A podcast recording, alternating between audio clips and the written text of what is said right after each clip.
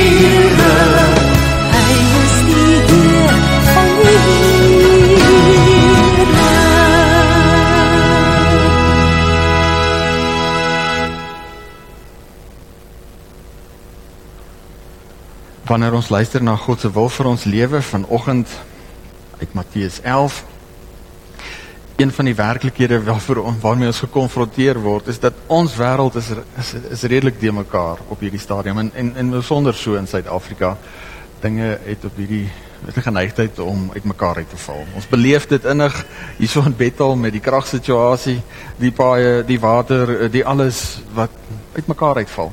En 'n mens is geneig om so nou en dan moedeloos moeg te raak daaroor. Maar vir ons as gelowiges is die werklikheid waarmee ons lewe, Jesus is die Heer van die Here. Ons, ek en jy, elkeen wat bely dat Jesus Christus die Here is, is deur God vandag in hierdie de mekaar wêreld geplaas met die oog daarop om 'n verskil te maak, om om lig en sout te wees op so 'n manier wat dat die wêreld 'n mooier, beter plek kan wees. Maar dit is 'n uitdaging. Dit is 'n besonderse groot uitdaging as dinge so stikkend raak soos wat dit tans rondom ons is. En daarom wanneer ons by Jesus by Jesus se God se wil vir ons lewe stil raak vanoggend, dan raak ons stil by Jesus se uitspraak in Matteus 11. Sy oproep tot elkeen van ons. My Vader het alles aan my toevertrou. En daai is 'n belangrike deel vir ons, né? Alles is aan hom toevertrou. Die Here, ons God, die Vader wat alles geskape het, het alles in Christus se hande gegee. Hy bewaar dit, hy beskerm dit. Hy maak dit nuut soos wat hy in Openbaring sê. My Vader het alles aan my toevertrou en niemand ken die Seun nie behalwe die Vader en ook nie niemand die Vader nie behalwe die Seun en elkeen aan wie die Seun hom wil bekend maak. Kom na my toe. Almal wat uitgeput en oorlaai is en ek sal julle rus gee. Neem my juk op julle en leer van my want ek is sagmoedig en nederig van hart en julle sal rus kry vir julle gemoed. My juk is sag en my las is lig. Vir ons wat bely dat Christus ons Here is, dis dit die werklikheid. Ons het geantwoord op hierdie uitnodiging van Christus. Ons het gekom en hy is ons Here en daarom volg ons hom. Ons leer by hom sodat ons in hierdie lewe met betekenis kan lewe, die lewe kan leef wat hy wil hê ons moet leef, sodat ons die verskil kan maak wat hy wou hê ons moet maak. Nou elkeen van ons as belydende lidmate het iewers in ons lewe daardie geleentheid gehad om voor die gemeente ons geloof te bely, om te antwoord op hierdie uitnodiging van Jesus Christus. En vanoggend gaan ons aan Erika daardie geleentheid gee. Sy is nou so 'n paar jaar hier saam met ons, saam met sy het saam met um oom Willie en en tannie Gertina gekom en hier saam met Kobus hulle by ons ingeskakel en sy nadat ons uh die die pad met haar gestap het tot hier toe toe en na ons pastorale gesprek is ons rustig daaroor dat sy met sekerheid en en en en met oortuiging tot hierdie belydenis kan kom. En ons gaan daarom vir haar 'n geleentheid gee om hierdie belydenis openlik voor ons te doen. Nou vanoggend wil ek vra dat elkeen van ons wat belydende lidmate is, weer by hernuwing sal luister na hierdie formulier en in besonder na dit wat ons onderneem, die beloftes wat ons uiteindelik maak as ons antwoord. Maar eers terwyl ons so sit. Geliefdes in die Here, God het in Jesus Christus, ons Here, die verbond van genade met ons en ons kinders opgerig. As kinders en erfgename het ons deel aan die volle rykdom van die weldade van hierdie verbond, maar word ons ook tot gehoorsaamheid aan en aanvaarding van die verbond geroep.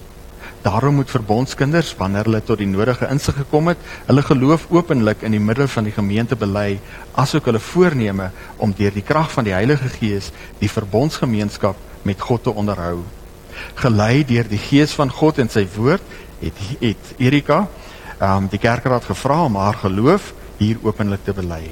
Nou nadat ehm um, sy behoorlik onderrig en ondervra is, is ons daarvan oortuig dat sy toegerus is om tot sodanige persoonlike belydenis te kom. En daarwelwe word aan haar die geleentheid gegee om daardie belydenis te doen. Erika, jy het geleentheid om vorentoe te kom.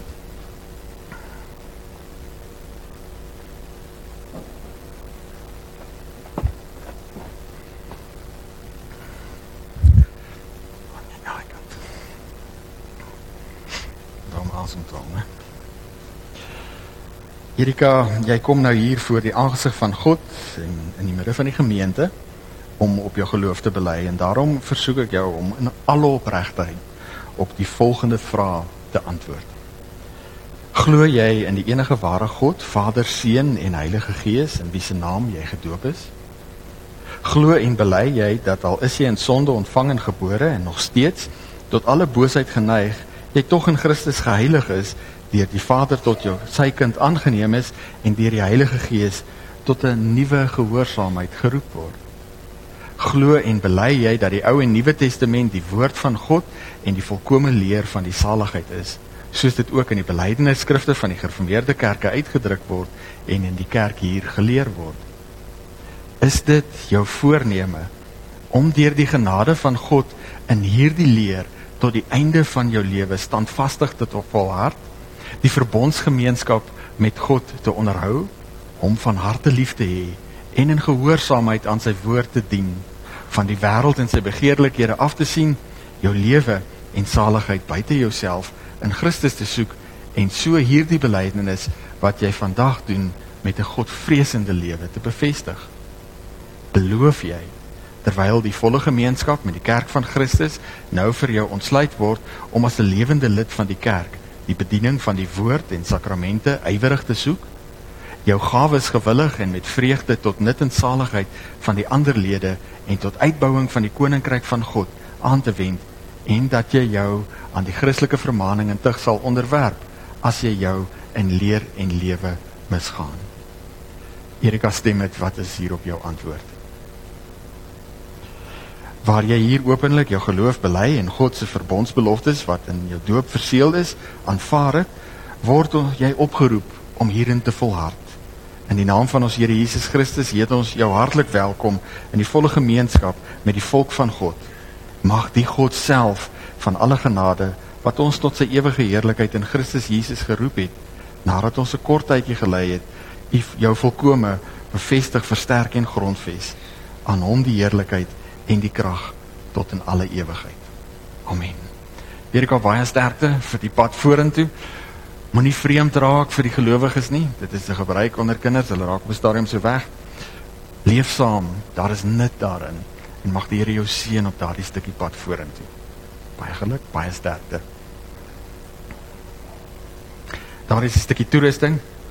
Maar dit nou nie bære voor 10 jaar nie. Dit is bedoel vir die volgende hoofstuk van jou lewe, né? Iets groots begin nou, 'n pad saam met die Here op jou eie verantwoordelikheid. Seën vir jou, Erika.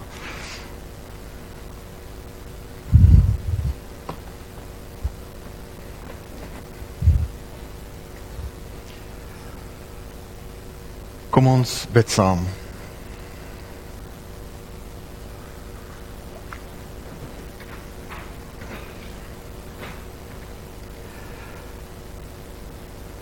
Vader, dankie vir die geleentheid wat ons het om ook die mooi met Erika te deel. Dat sy in haar lewe by daardie plek kon kom om die belofte wat U met haar doop aan haar verseël het te kan vat, haar eie te kon maak, die omvang daarvan kan verstaan. En wanneer ons vanoggend so gedagtig aan haar belydenis voor die rustig word en onthou dat dat ook ons as belydende lidmate daardie oomblik in ons lewe gehad het waar ons begin verstaan het van hoe groot die liefde vir ons is, word ons ook opnuut weer vanoggend voor U rustig en ons pleit Vader wil U die grootsheid daarvan weer in ons harte oopbreek.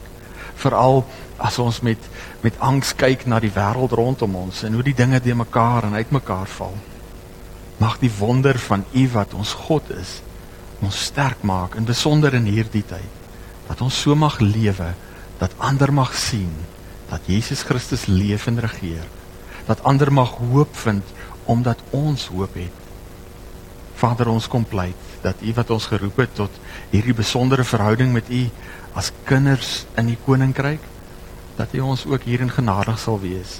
Dat ons in ons lewenspad en ons alledaagse lewe innig bewus mag wees van die teenwoordigheid van die Gees wat saam met ons getuig dat ons kinders van U is, wat ons op ons pad toerus vir ons dienswerk in hierdie stukkende wêreld. En daarom pleit ons Vader, maak ons geestes oë oop dat ons mag sien waarmee U besig is in hierdie wêreld. Mag dit ons Vader toerus, mag dit ons bemoedig as ons onthou dat U die een is wat in ons woon en saam met ons in hierdie wêreld werk tot die beswil van U skepping. Ons pleit Vader dat U ons in hierdie oomblikke sensitief sal maak vir die leiding van die Gees as ons luister na U woord. Mag dit in ons harte nie net ingang vind nie, maar in ons lewe 'n tasbare verskil maak tot heil van U wêreld. Ons bid dit in Jesus se naam. Amen.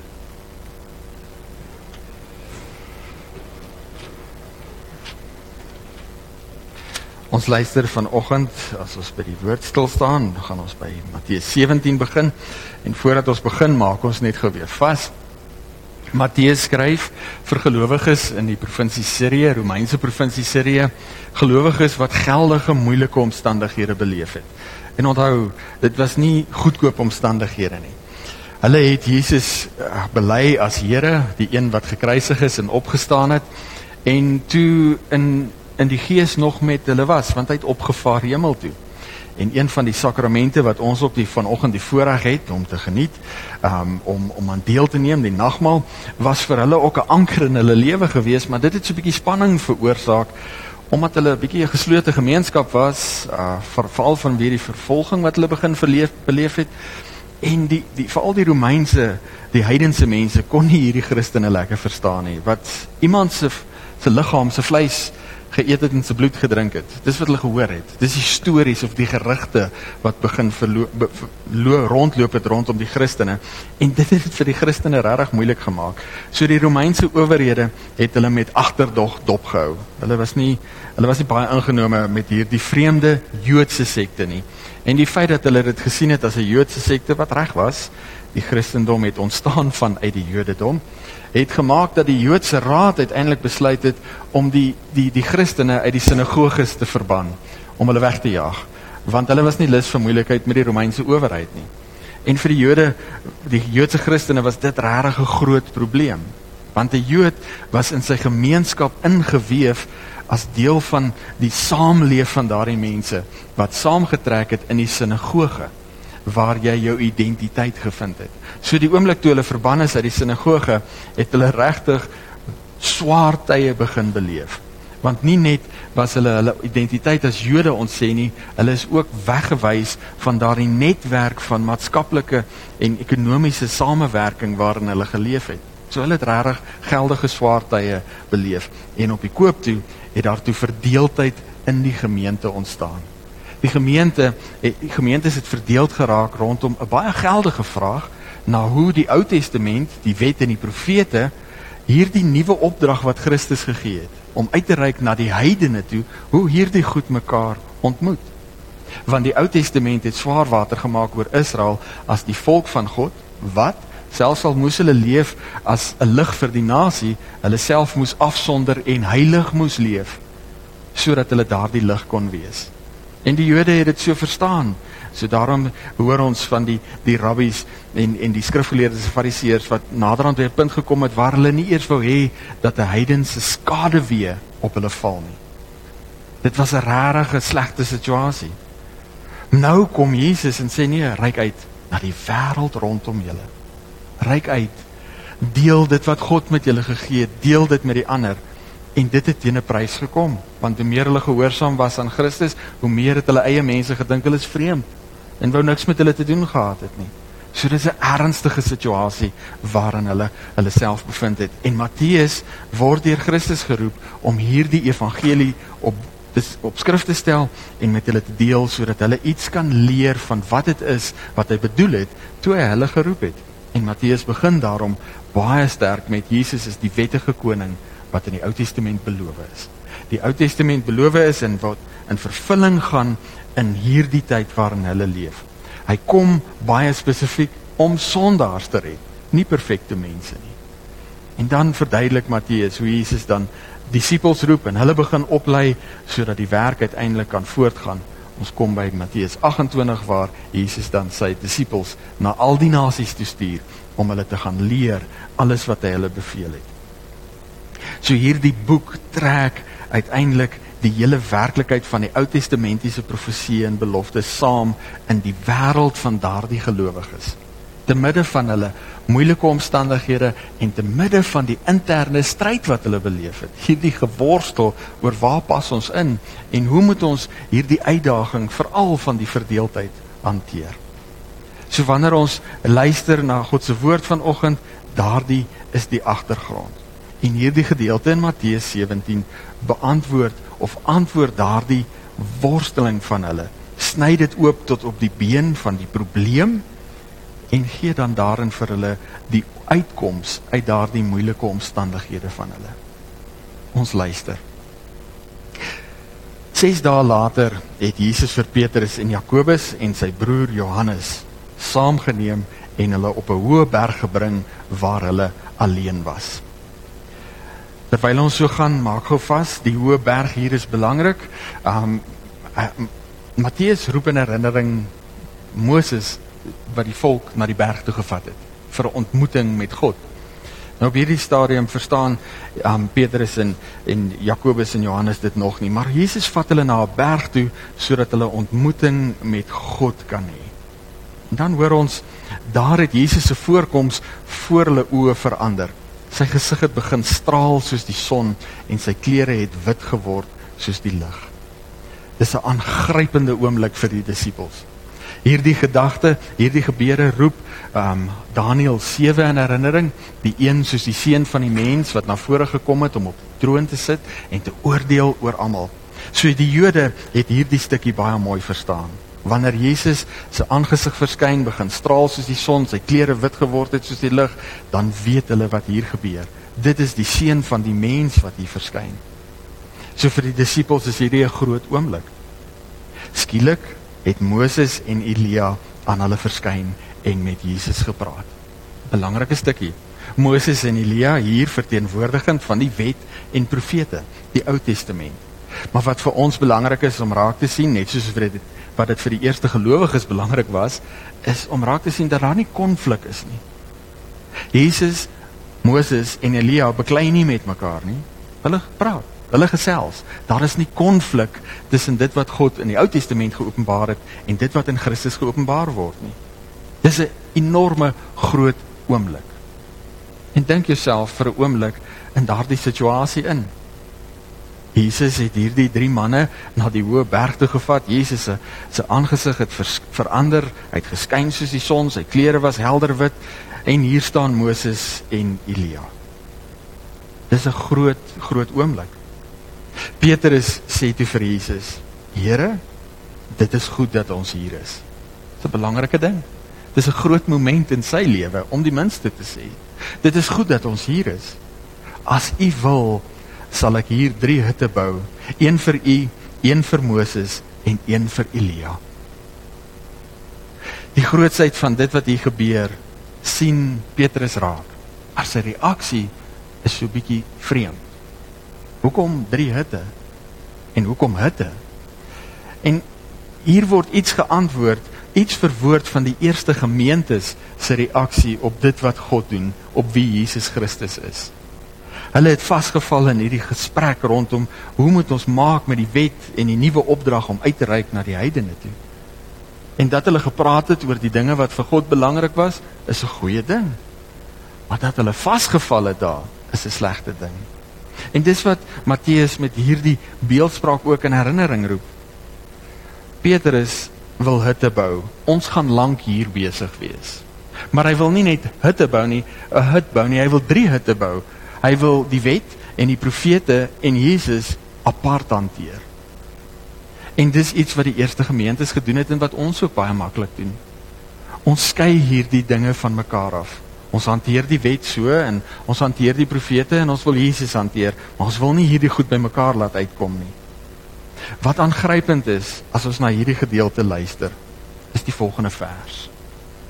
Petrus is besig om met Jesus te praat en dan hoor ons terwyl hy nog praat, het 'n helder ligte wolk skielik sy skade weer oor hulle gegooi en 'n stem uit die wolk het gesê: "Dit is my geliefde seun, oor wie ek my verheug. Luister na hom."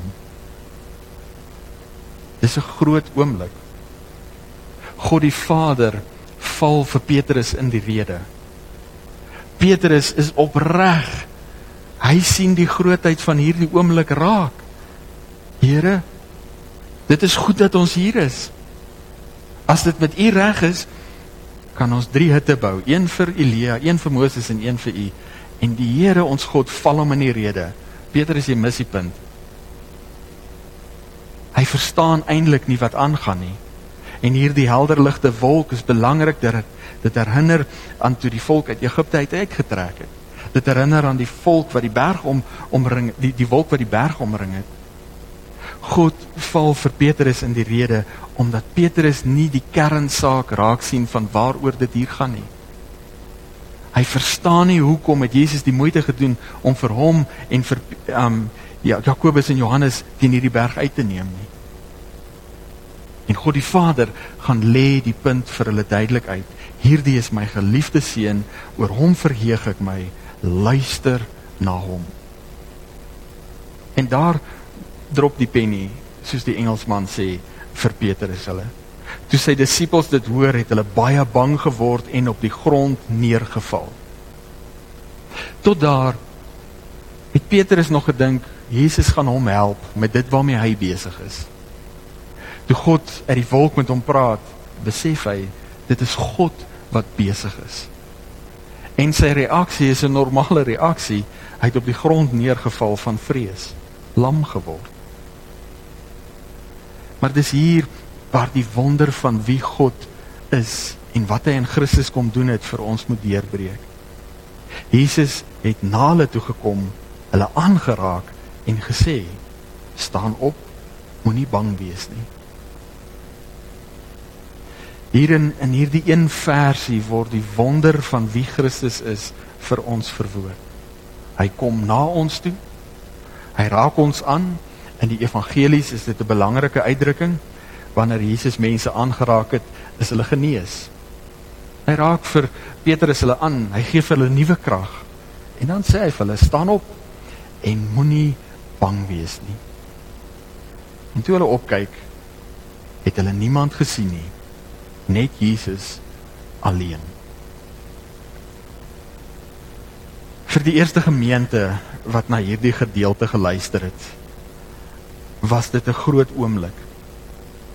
Vasgevang in moeilike omstandighede, vasgevang in 'n gemaklike slegte plek waar hulle gepraat het oor dit wat die Here wil hê, maar nie by die doen uitgekom het nie, was hierdie paar verse rede om stil te gaan staan en ernstig te dink oor dit waarmee hulle besig was. Jesus het spesifieke manne na die berg toe gevat. Mense wat reeds tot die belydenis gekom het dat hy die Christus is, die seun van God. En vir daardie eerste gemeente was dit belangrik. Hulle het dit ook bely. Maar dat iets ontbreek. Hulle het nie gesien hoe dit waarmee God in die Ou Testament en in die Nuwe Testament besig was in hulle lewe sigbaar moes word nie. En daarom die aangrypende van dit wat hier gebeur het. Dat daar geen konflik is tussen Jesus, Moses en Elia nie. Daar is nie konflik tussen die Ou en die Nuwe Testament nie. Daar is nie konflik tussen die onderhouding van die wet aan die een kant, dit wat goed en reg en waar is, en die uitreik in liefde na die wêreld rondom ons nie. Petrus het soos die eerste gelowiges verstaan. Dit is goed. Dit wat hulle geken het en leer ken het, dit wat hulle bely het, dit was goed. Maar die eerste gelowiges het soos Petrus ook vasgeval in daardie plek om dit wat die Here van ons vra in hokkies en vakkies te sit. Nou dis nie net hulle wat dit doen nie, ons doen dit ook baie keer. Ons bely dat Jesus Christus ons Here is en dan gaan sit ons ons lewens in hokkies en vakkies sodat ons val verby die moeilike dinge kan kom wat Christus van ons vra. Dit is nie iets goedkoops wat hier gebeur het nie. Petrus is regtig toegewyd wanneer hy vir Jesus sê, dit is goed dat ons hier is. Hy kom nie vanuit sy eie om maar net te sê ons gaan drie hutte bou nie. Hy sê, hy gee erkenning aan Jesus. As u dit goed vind, sal ons dit doen. Daardie geneigtheid om dit wat God met ons deel te probeer verdeel deel van ons sondige menswees. Wanneer ons gekonfronteer word met die harde opdrag wat Christus baie keer van ons het om uit te reik in hierdie wêreld in om besig te raak met die herstel en herskep van dit waarmee hy besig is, dan is dit makliker om eerder terug te staan om dinge ingewikkeld te maak en dan daaroor te praat. Die genade wat die disippels beleef het, wat die eerste gemeente beleef het en wat ons mag beleef vandag, is dat God ons in die rede val. Die Here ons God is ernstig oor dit wat hy in Christus gedoen het. Alles is aan hom toevertrou met 'n goeie rede. Want hy is die een wat alles uiteindelik herskep. En soos wat die Here vir Petrus in die rede geval het en soos wat hierdie evangelie daardie eerste gemeentes in die rede geval het.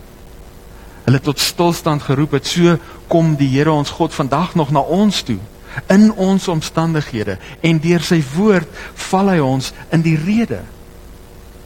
Moenie net aangaan soos wat jy aangegaan het nie.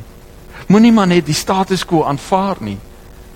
Fokus, dink verstaan wie Christus is en wat die verskil is wat hy nie net in jou lewe maak nie, maar uiteindelik deur jou lewe in hierdie wêreld kom maak het.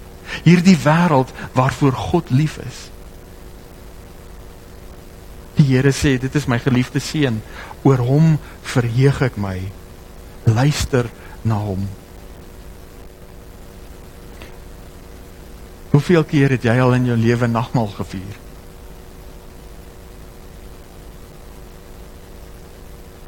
Het jy 'n idee van hoe groot dit is as God sê hierdie is my geliefde seun oor hom verheug ek my luister na hom en dan word hy gekruisig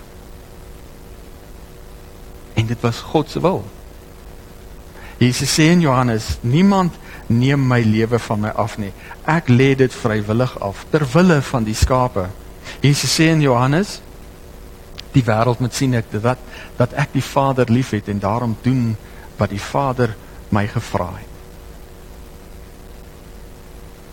Hier hierdie is my geliefde seun, oor hom verheug ek my en hy sterf.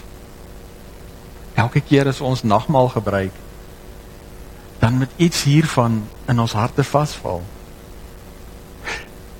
Hierdie groot dink van God oor Christus, hierdie enorme groot uitspraak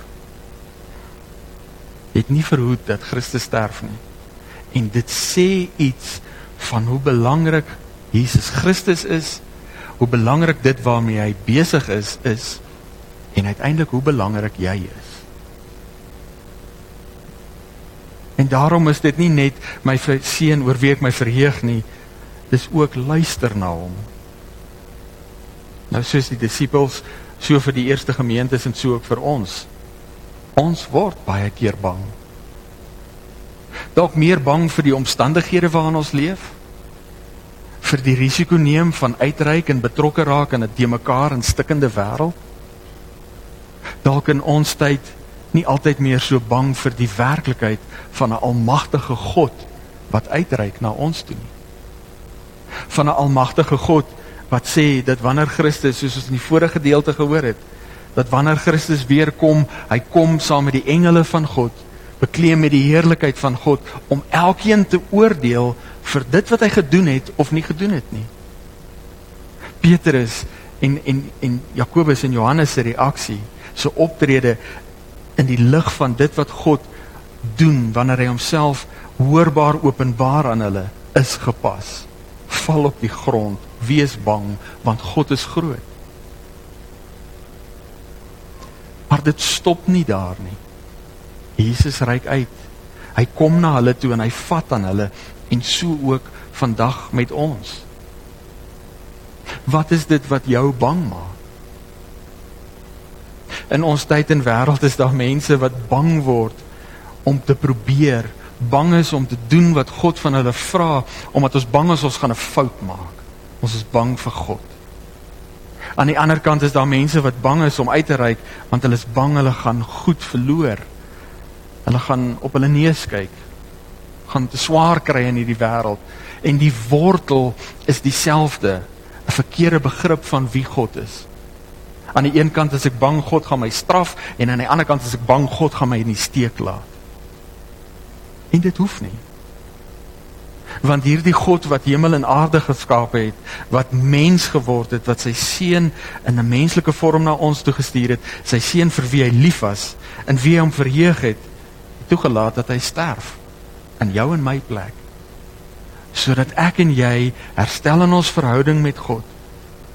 In hierdie tyd waarin ons vandag leef naby hom kan leef en saam met hom kan werk.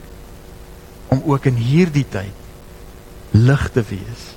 Om in hierdie tyd uit te reik na mense wat hom nog nie ken nie sodat hulle hom kan leer ken en hulle ook herstel in hulle verhouding met hom kan saamwerk aan die mooi maak en nuut maak van dit wat vir God kosbaar is. En daarom vandag as jy nagmaal gebruik, beleef nie net daarin dat Jesus vir jou sondes gesterf het nie, maar dat Jesus uitreik, dat hy na jou toe kom en jou aanraak en ook vir jou sê moenie bang wees nie. Staan op. Staan op en gaan doen dit waarvoor ek jou geroep het. Die eerste gemeentes het hierop geantwoord deur hulle lewens te gee in diens van dit waarmee Christus besig was. Ons leef vandag. Ons is die gelowiges wat vandag God Jesus Christus vandag in hierdie tyd uitstuur na 'n stikkende wêreld. Kom ons neem ter harte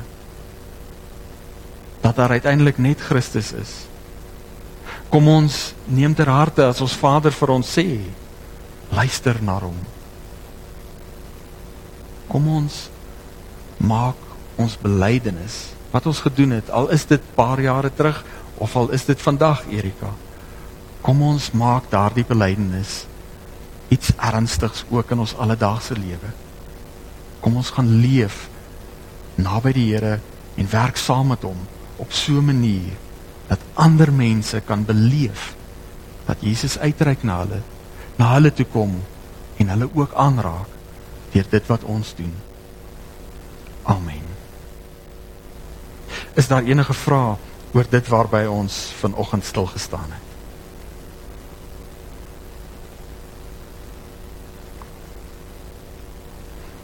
Kom ons bid saam.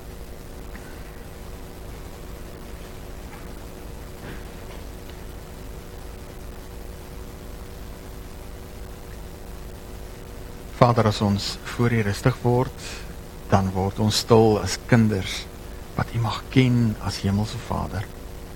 Wat U goedheid al beleef het in ons lewe. Wat weet dat U getrou is.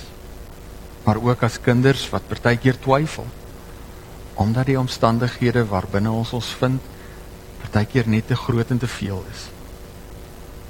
En as ons dink aan die omstandighede van ons land, die onsinnigheid van die reëls en van die regulasies wat oor ons pad kom, as ons dink aan die verval wat daar is aan korrupsie en misdaad, aan die wanhoop wat baie mense beleef, dan kom gryp ons vanoggend weer vas aan u woord dat u in Christus ons Vader is en dat daar in hierdie lewe niks is wat ons kan skei van die liefde wat u vir ons het nie daarin ons hartsbede vanoggend. Waar u deur ons in hierdie wêreld besig is pleit ons Vader wil u ons geestesoë verhelder dat ons daardie werklikheid mag raak sien in ons alledaagse lewe. Dat ons die geleenthede wat daar is om saam met u te werk mag raak sien en dat ons die moed sal hê om dit aan te gryp. Herinner ons in ons alledaagse lewe wanneer die dinge rondom ons te groot word herinner ons aan Jesus wat die brood vermeerder het die klein bietjie wat die disippels gehad het gevat het en 'n groot verskil daarmee gemaak het. Herinner ons daaraan dat ook die klein bietjie wat ons bring in u hande 'n groot verskil kan maak. En wanneer ons oor hierdie dinge wonder en stoei en en soos Israel worstel daarmee en ons partykeer ook bang word pleit ons Vader wil U ons deur die Gees aanraak dat ons met nuwe krag toegerus ons roeping in hierdie lewe mag opneem. Ons kom pleit Vader dat ons die wonder van nagmaal opnuut mag beleef vanoggend. Nie net van die wonder van verlossing en vergifnis in Jesus Christus nie, maar ook van die werklikheid dat hy opgestaan het en dat hy leef en regeer vandag nog mag daardie wete van ons koninkryksburgers maak wat opstaan tot eer van u naam in hierdie wêreld. Ons pleit dit Vader in Jesus se naam. Amen.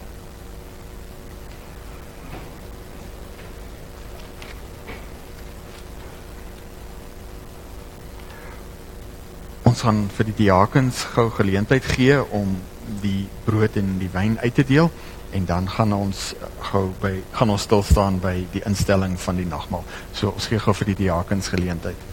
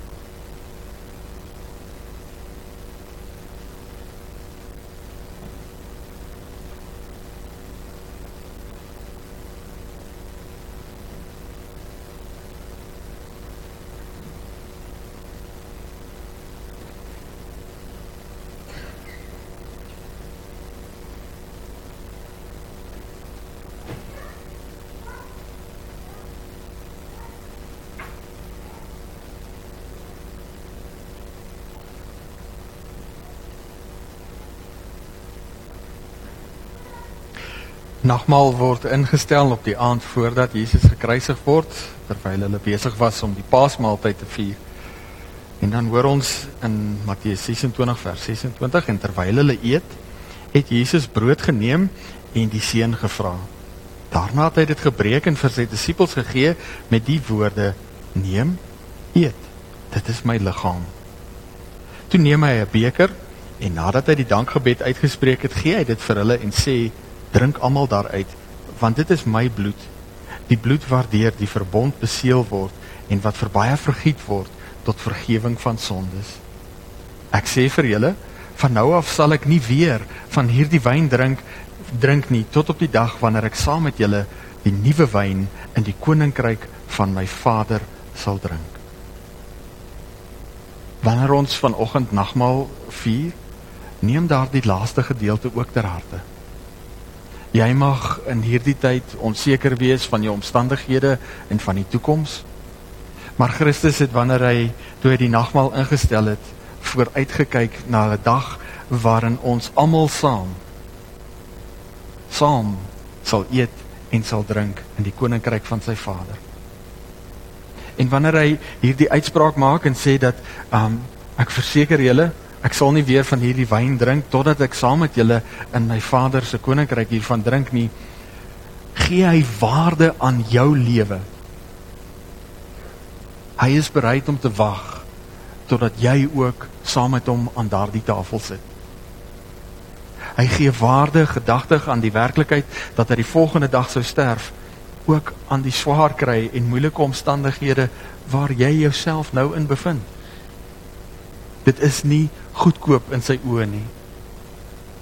Maar jou lewe maak saak. En daarom sterf hy die volgende dag. En ons het die voorreg om vanoggend weer daardie werklikheid te herdenk. En nagmaal daarin vir ons 'n teken en 'n seël. Net so seker is wat jy hierdie stukkie brood kan voel, kan proe, net so seker is wat jy die wyn kan proe, kan voel, kan sien Net so seker kan jy weet dat Jesus Christus vir jou sondes gesterf het en opgestaan het uit die dood, leef en regeer tot in ewigheid. En daarom die brood wat ons neem, wat ons eet, is die liggaam van Christus. Eet dit. Dink daaraan en onthou dat sy liggaam gebreek is tot 'n volkomme verzoening van ons sondes. Dat hy opgestaan het en dat hy leef en regeer tot in ewigheid.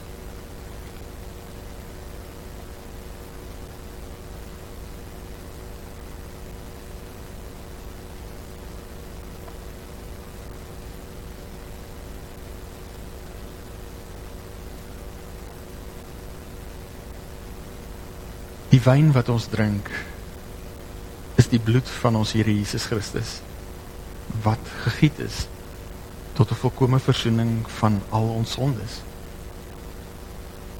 Drink daarvan en onthou dat hy gesterf het in jou plek. Dat daar verzoening gedoen is vir jou sonde. Dat hy opgestaan het en dat hy lewend regeer tot in ewigheid.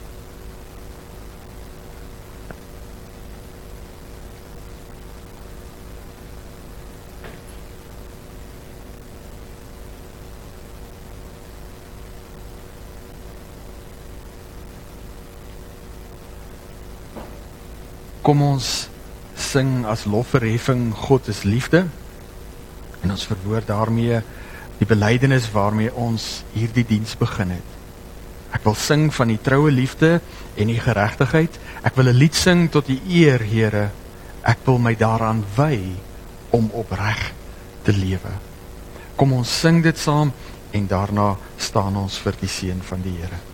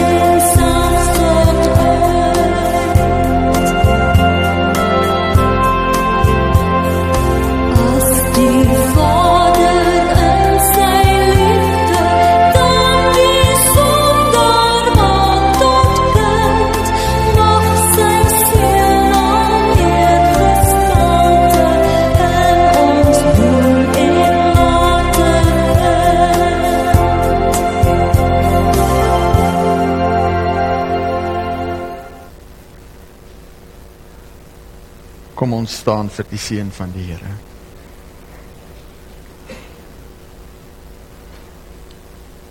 Waar ons versterk is deur die woord en deur die sakrament gaan leef voluit as kind van die Here.